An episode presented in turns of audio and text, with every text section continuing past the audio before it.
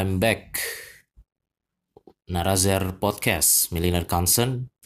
Tetap bersama gua Zer Pandi. Uh, udah lama ya gua nggak bikin episode. Uh, sebelumnya gue pernah posting di Instagram bahwa gue akan meluncurkan episode terbaru chapter kedua dari Batak Milenial. Ya, Batak Milenial adalah episode pilot atau episode perdana dari Narazer Podcast Narazer Millennial Concern. Um, itu chapter pertama yang gue bikin tentang orang-orang Batak generasi milenial yang hidup di kota. Nah, gue ada janji di Instagram gue bakal bikin chapter kedua tapi sorry banget belum bisa gue launching karena ada satu dan lain hal jadi gue harap lo semua yang dengerin dan yang terutama yang lagi nungguin Batak Millennial chapter 2 atau episode 2 uh, eh, mohon bersabar dikit ya jadi uh, mudah-mudahan minggu ini atau minggu depan gue bisa rilis episode kedua dengan teman-teman gue ada sekitar 1 sampai dua orang lah. Jadi gue nanti bakal ngobrol berdua atau bertiga. Itu. Untuk yang sekarang eh gue mau cerita sedikit aja soal gue kebetulan baru selesai traveling trip ke Malang dan Bromo.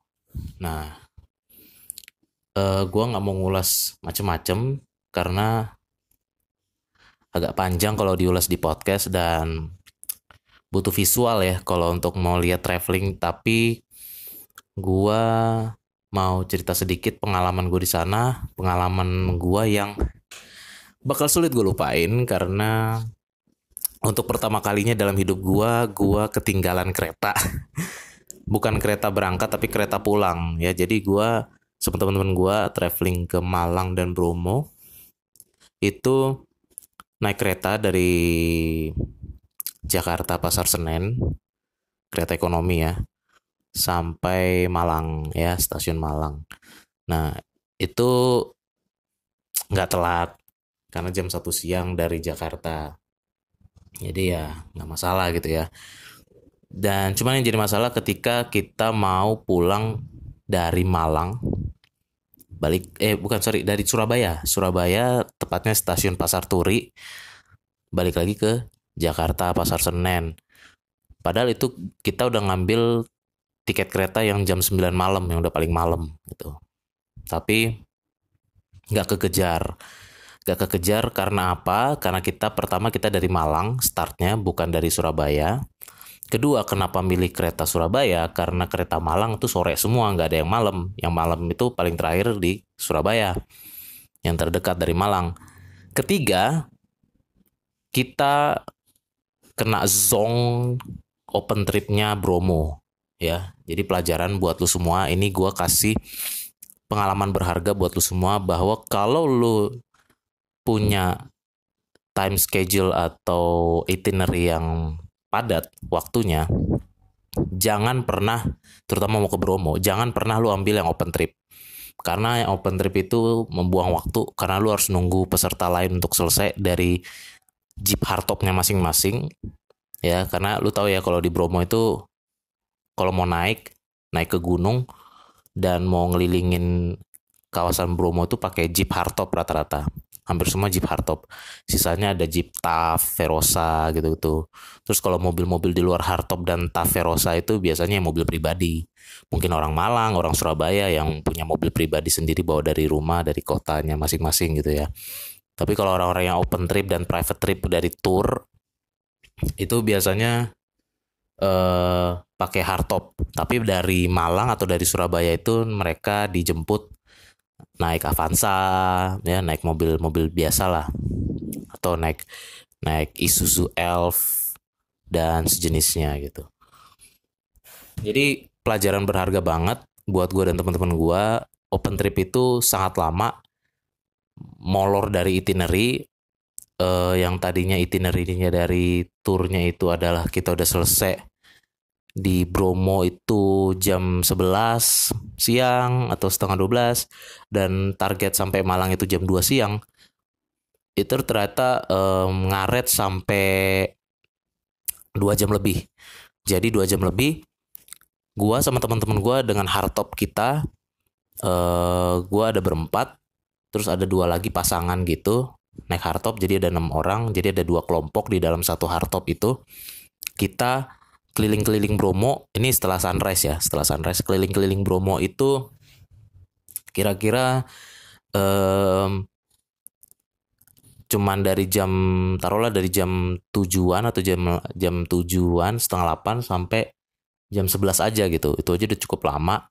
Dan kita balik lagi ke tempat di tempat kita naik dianterin antar jemput ke Malang Malang Bromo. Itu apa sih namanya? Gue lupa pokoknya kayak inilah rest pointnya lah ya rest pointnya anggap aja rest pointnya kita ada uh, di Bromo itu. Itu kita ada jam 11 lewat jam kayak jam 11.40 apa 11.30 kita udah di rest point itu. Kita udah masuk udah masuk ke kendaraan travel kita. Kendaraan travel kita itu Isuzu Elf gitu yang besar Sementara kelompok-kelompok lain yang dalam satu Isuzu Elf itu satu rombongan sama kita itu belum kelar sampai uh, hampir sejam lebih gitu. Kita nungguin mereka sejam lebih dari 11.40 sampai 12.45 atau 12.42 gitu. Dan gue keselnya oke okay, kita nunggu lama kayak gitu fine tapi ternyata perjalanan pulangnya pun dari Bromo ke Malang itu lama banget men lama banget itu kira-kira tiga jam lebih gitu lu bayangin aja kita taruhlah startnya dari Bromo itu rest point Bromonya itu jam 1 dan nyampe di Malang tuh jam 4 kurang gitu. Anjrit lama banget gitu. Sementara itu jam 4 itu kita baru di drop di dekat room penginapan kita tuh jam 4 lewat karena harus nganterin orang-orang yang lebih telat dari kita ya lebih telat dari kita di Bromo eh, karena mereka duluan dijemput waktu pas malam-malamnya dini hari itu. Dan kita harus sampai penginapan kita itu jam 4 lewat. Kampret banget. Dan di situlah kita titik awalnya titik klimaksnya kita telat ngejar kereta. Karena kita harus uh, naik bus. Nggak ada kereta dari Malang Surabaya. Jam kita bisa ngejar bus itu di di atas jam 5 jam 6 kurang Sementara terminal bus naik bus reguler, bus, bus biasa itu makan waktu dua setengah jam sampai Surabaya. Dan waktu itu nyampe terminal Surabaya Purabaya itu jam setengah jam 9 kurang 20 sementara kereta kita jam 9 malam. Dan teman gue yang udah pengalaman di Malang dan Surabaya orang Surabaya juga dia bilang dia bilang ini kita udah gak kekejar lagi ke stasiun Pasar Turi. Lebih baik kita cari opsi kendaraan lain di situ ada terminal bus Purabaya. Pesawat tiket pesawat itu sangat mahal. Gua nggak punya budget untuk naik darurat naik pesawat. Pesawat itu satu setengah sampai 2 juta. Surabaya Jakarta. Entah itu Citylink maupun Lion waktu itu.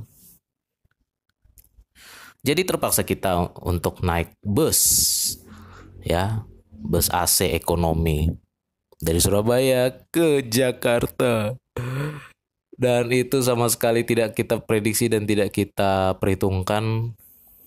Gila banget hampir kita tuh dari Surabaya ke Jakarta tuh hampir 24 jam. Sampai Jakarta lagi bayangin aja dari jam 10 malam sampai jam dari jam 10 malamnya hari Ming hari Minggu apa hari hari Sabtu dari jam 10 malamnya hari Sabtu sampai jam 10 malamnya hari Minggu. Di terminal Pulau Gebang Jakarta itu sangat menyedihkan sekali. Gue nggak tau gue speechless banget. Kita waktu itu udah murung banget udah stres kesel banget kita. Campur aduk lah. Mana busnya sempet. Bannya bocor bannya rusak dan nggak lewat tol Surabaya Semarang. Di Semarang juga nggak masuk tol baru masuk tol di Cipali. Pas di Cirebon gitu.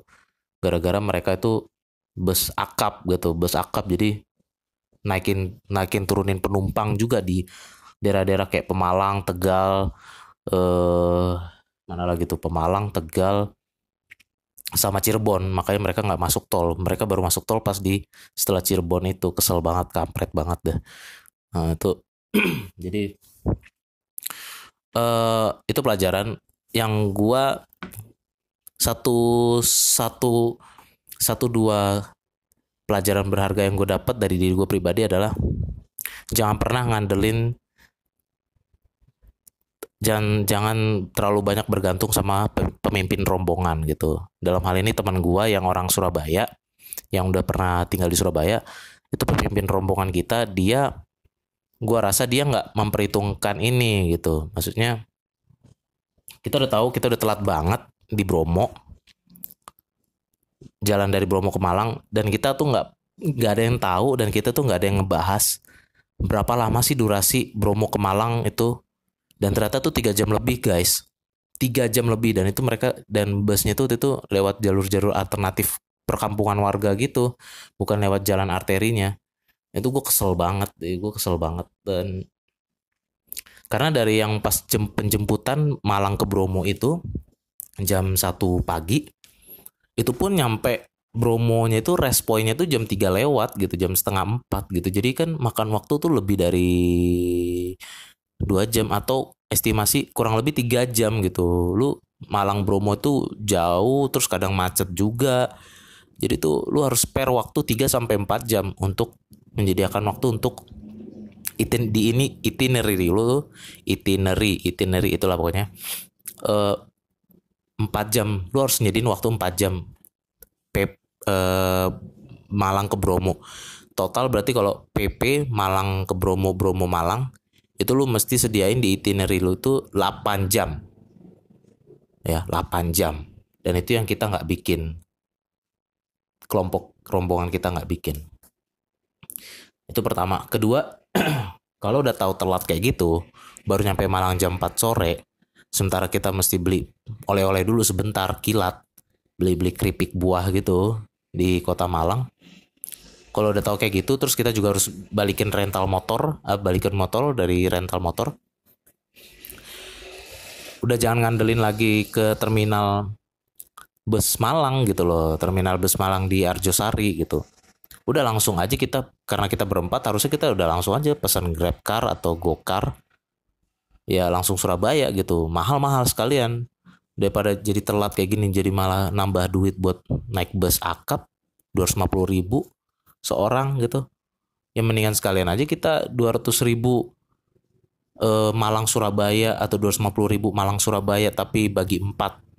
Ya kan? PT-PT bagi empat gitu. Jadi itu dua poin itu gitu loh. Jadi kita nggak memperhitungkan durasi PP Malang Bromo di itinerary kita. Kedua karena kita kejar-kejaran dengan stasiun ya harusnya naik grab car dari awal di di kita ngedrop balikin motor itu. Ya udah langsung grab car atau go car aja gitu loh. Apalagi kita waktu itu uh, balikin motornya itu di stasiun Malang yang mana itu salah satu titik yang paling strategis juga di Malang untuk lu mesen uh, mobil online gitu loh. Nah itu pelajaran buat kita semua eh buat kita kelompok kita dan buat lu semua yang dengerin bahwa jangan jangan jangan terlalu mengandalkan open trip Bromo. Kalau lu pengen ke Bromo sekalian aja lu private trip. Private trip kalau lu pesen jauh-jauh hari itu lebih murah. Pastinya lebih hemat. Dan nggak beda jauh sama biaya open trip gitu. Waktu itu kenapa kita nggak cepet-cepet pesen uh, private trip Bromo karena waktu itu gue udah sempet pengen pesen private trip Bromo. Tapi karena waktu itu tiba-tiba di berita nah ini nih kesel gue nih kita inilah dinamika kehidupan ya.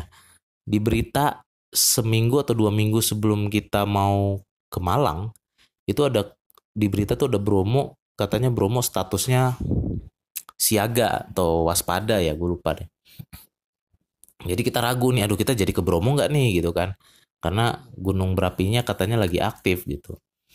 Nah di situlah gue jadi tadinya udah pengen order pengen booking private trip jadi mundur lagi gitu. Dan dan pada akhirnya di hari-hari terakhir Hamin 3 Hamin 4 pengen mesen lagi eh private tripnya udah full book gitu. Jadi eh, masalah in eksternal juga sih ada faktor eksternal juga karena status gunung berapi Bromo itu yang tiba-tiba aktif. Eh ternyata tiba-tiba kondusif lagi kan rese ya gitu. Aduh pokoknya kesel deh waktu itu. Nah itu. Jadi kalau open trip kita tuh Bromo waktu itu 300 ribu seorang. 300 ribu seorang uh, antar jemput naik yang Isuzu F itu kemudian hardtop udah termasuk jeep hardtop dapat snack ecek-ecek lah. Roti doang roti satu potong doang. Sama aqua gelas. Uh, udah itu doang. Nothing special gitu. Sementara kalau private trip lu di dipinjemin sarung tangan, dipinjemin kupluk gitu. Emang sih sarung tangan sama kupluknya murah-murah gitu. Sarung tangannya sepuluh ribu, kupluknya tiga puluh ribu sampai empat puluh ribu gitu. Cuman ya ya kita cuma pakai sekali dua kali doang. Itu kan kita kan bukan tinggal di pegunungan gitu. Kita tinggal di kota kota besar yang dataran rendah dan panas gitu. Ya kita pakai cuma buat liburan doang gitu. Jadi ya udahlah. Gitu seharusnya kalau private trip enak bisa dipinjemin sarung tangannya sama kupluknya gitu kita cuma siap siapin jaket aja uh, double sampai triple gitu kan. Pakai baju triple. Ya gitulah kira-kira. Uh, itu aja. Gue cuma mau menyampaikan sharing dan keluh kesah gue pengalaman gue tapi itu pengalaman berharga tapi sebenarnya ketika gue naik bus akap banyak yang gue pelajarin juga gitu. Uh, ada sisi spiritualnya juga. Gue mencoba mengambil hikmahnya dari sisi spiritual. Uh, gue bisa melihat kota-kota lain di Jawa gitu. Gue bisa ngelihat Brebes gue bisa ngelihat Tegal gue bisa ngelihat Pemalang itu kayak apa. Tuh cuman kalau Semarang Tuban itu enggak karena gue udah tidur. Waktu itu udah tidur banget udah capek banget. Uh, dari jam 11 malam dari busnya tuh jalan sampai sampai sampai mana tuh? Sampai Pemalang ya. Sampai Pemalang tuh gue tidur baru bangun tuh pas di Pemalang lah atau di bukan di Pantura Jawa Tengah itu uh, dua kali rest area di Pemalang sama di di mana tuh di di mana ya? Bukan di Cirebon ya di ya itulah pokoknya. Karena gue juga sebenarnya pernah dari gue dari gue sendiri pernah kepikiran eh kayaknya gue belum pernah ke Jawa masih gue belum pernah explore Jawa Tengah Jawa Timur ya gitu paling gue dulu pernahnya ke Jogja waktu kuliah eh, lima hari sama teman-teman habis dari Jogja gue pas udah kerja udah lulus kuliah berapa tahun terus uh, udah kerja berapa tahun gue jalan-jalan ke Semarang gitu ketemu teman gua di sana uh, Semarang sama Ambarawa gitu. Udah jadi kayaknya kok gue di Jawa Tengah Jawa Timur Jawa Timur belum pernah sama sekali gitu. Terus Jawa Tengah gue baru pernah ke Semarang sama Jogja gitu. Ke Jogja gue naik pesawat Semarang gue naik kereta eksekutif gitu. Nah, kayaknya kurang gitu. Akhirnya gue diajak teman ke Malang dan trip ke Bromo petualangan ke Bromo ya udah. Gue ikut oke nih Jawa Timur satu nih pecah telur nih Jawa Timur gitu. Nah setelah pecah Jawa Timur pecah telur eh ternyata Tuhan berkata lain gue dikasih kesempatan untuk melihat kota-kota lain di Jawa Tengah dan di Jawa Tengah lah lebih tepatnya karena di Jawa Timur gue tidur terus uh, di pas yang naik bus akap itu uh, gua melihat Tegal, gua melihat Pemalang, gua melihat Brebes, gua melihat Cirebon ya. Gitu. Jadi ya gua ambil sisi positifnya aja gitu. Oh, Tuhan kasih gua kesempatan untuk melihat nih Jawa Tengah, Jawa Timur tuh kayak gini gitu. Jadi lu udah lihat kan Malang kayak apa, Surabaya gua ngeliat malam doang. Malam-malam gelap ya. Jadi yang gue lihat jelas di Surabaya itu cuman tol porong gempolnya karena bus reguler kita dari Arjosari ke Purabaya itu lewat ini lewat tol juga tol porong gempol terus um, terus uh, di Jawa Tengah gue bisa ngelihat Tegal Brebes di siang hari gitu. Jadi gue sebenarnya belum sebenarnya gue pecah telur juga ke Surabaya tahun ini. Seumur hidup gue belum pernah ke Surabaya baru tahun ini gue ke Surabaya tapi gue ke Surabaya dengan dengan kondisi yang memprihatinkan dan kondisi yang panik dan tidak tidak tidak kondusif lah ya gitu. Jadi pengalaman gue pertama kali ke Surabaya kurang enak. Nah eh, apalagi malam-malam gitu. Ya ambil sisi positifnya aja lah gitu. Karena kalau dilihat dari sisi negatifnya juga banyak. Saking banyaknya kita jadi stres sendiri gitu. Nah oke jadi uh, eh, gue sebenarnya dalam hal traveling gue belum pernah ke Kalimantan gue belum pernah ke Sulawesi gue belum pernah ke Papua gitu nah jadi sementara Jawa gue udah udah explore lumayan lah ya. Bayangin aja naik naik bus akap dari Surabaya sampai Jakarta kan. Ya semua hampir semuanya lo lewatin apalagi nggak lewat tol baru Semarang Surabaya itu. Tapi lewat Pantura gitu. Nah, jadi um, sedikit banyak menarik lah uh, dan uh, next target gue mungkin yang paling realistis gue pengen ke Kalimantan juga. Kalimantan uh, karena karena saudara gue banyak yang tinggal di Kalimantan. Terus kakak kandung gue sendiri punya rumah juga di Balikpapan. So uh, paling memungkinkan gue jalan-jalan ke Kalimantan sih terutama Kalimantan Timur Balikpapan Samarinda Kutai dan lain-lain Sulawesi juga pengen, Papua juga apalagi gitu. Cuman ya kita lihat nanti aja lah. Tuh. Oke itu aja uh, pengalaman traveling gue uh, yang gue ambil yang agak uh, dari sudut pandang ininya ya pengalaman yang pahitnya dulu ya. Karena sebenarnya waktu gue di Malang itu cukup menyenangkan sebenarnya. Di Bromo juga sebenarnya menyenangkan. Terlepas dari schedule-nya yang berantakan tapi uh, di Malang itu menyenangkan. Gue ke Jatim Park 3 gue juga ke Jatim Park 1 museum angkut.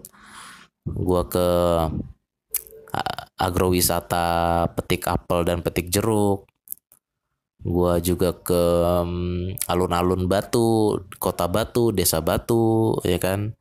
Uh, gue juga keliling-keliling kota Malang uh, atau juga untuk uh, amusement park yang night yang tema nightnya itu di Batu Night Spektakuler atau sering disingkat BNS gitu kan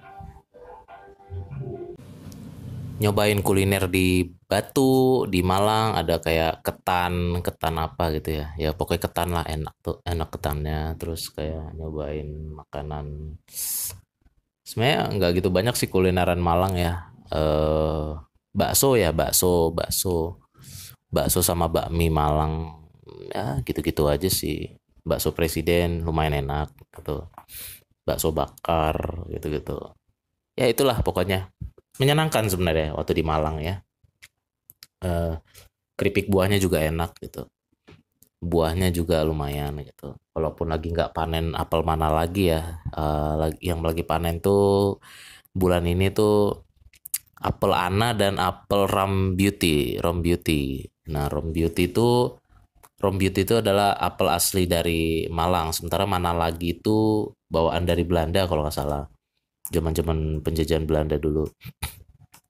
Kemudian kalau um,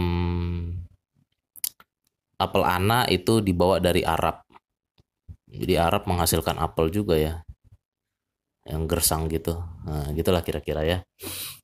Oke, jadi itu aja dulu sementara dari gue soal traveling Malang nanti gue akan bikin ulasan travel di blog blog gue zerpandi.com www.zerpandi.com uh, tentang Malang dan Bromo. Jadi tungguin aja di zerpandi.com di artikel travel now gue. Dan nanti juga ada ulasan travel lain uh, tentang Eropa di podcast gue juga di Narazir ini bersama teman gue juga namanya Mules ya uh, Mules perut. Uh, kita mau ngomongin nanti ten, kota Praha ya kota Praha. Atau bahasa Indonesia bilangnya Praha di Ceko Eropa. Karena gue ada sempat bikin ulasan travel di Paris Prancis itu lewat blog gue travel now blog gue di zerpandi.com uh, untuk Prahnya kota Prah itu gue mau bikin di podcast dulu untuk bakal ada versi blognya atau enggak nanti kita lihat nanti ya itu tapi yang pasti ada yang pasti gue bikin ulasannya di podcast dulu ulasan travel Prah gitu nah, ini ulasan travel Malang beserta pengalaman pahit gua bersama teman-teman gua naik bus akap gara-gara ketinggalan kereta. Nah itu aja. Jadi mudah-mudahan itu pelajaran penting. Kalau lo nggak kalau lo nggak mau di uh, kalau lo nggak mau terlat dan nggak mau di kejar-kejaran waktu, jangan pilih open trip Bromo. Pilihlah yang private trip. Gitu. Oke. Okay. See you next time. See you on another uh, episode. Tungguin aja Batak Millennial episode tuh di Narazer Millennial Concern. Hanya di Narazer Millennial Concern. Salam salam apa ya? Salam jalan-jalan aja deh. Deh.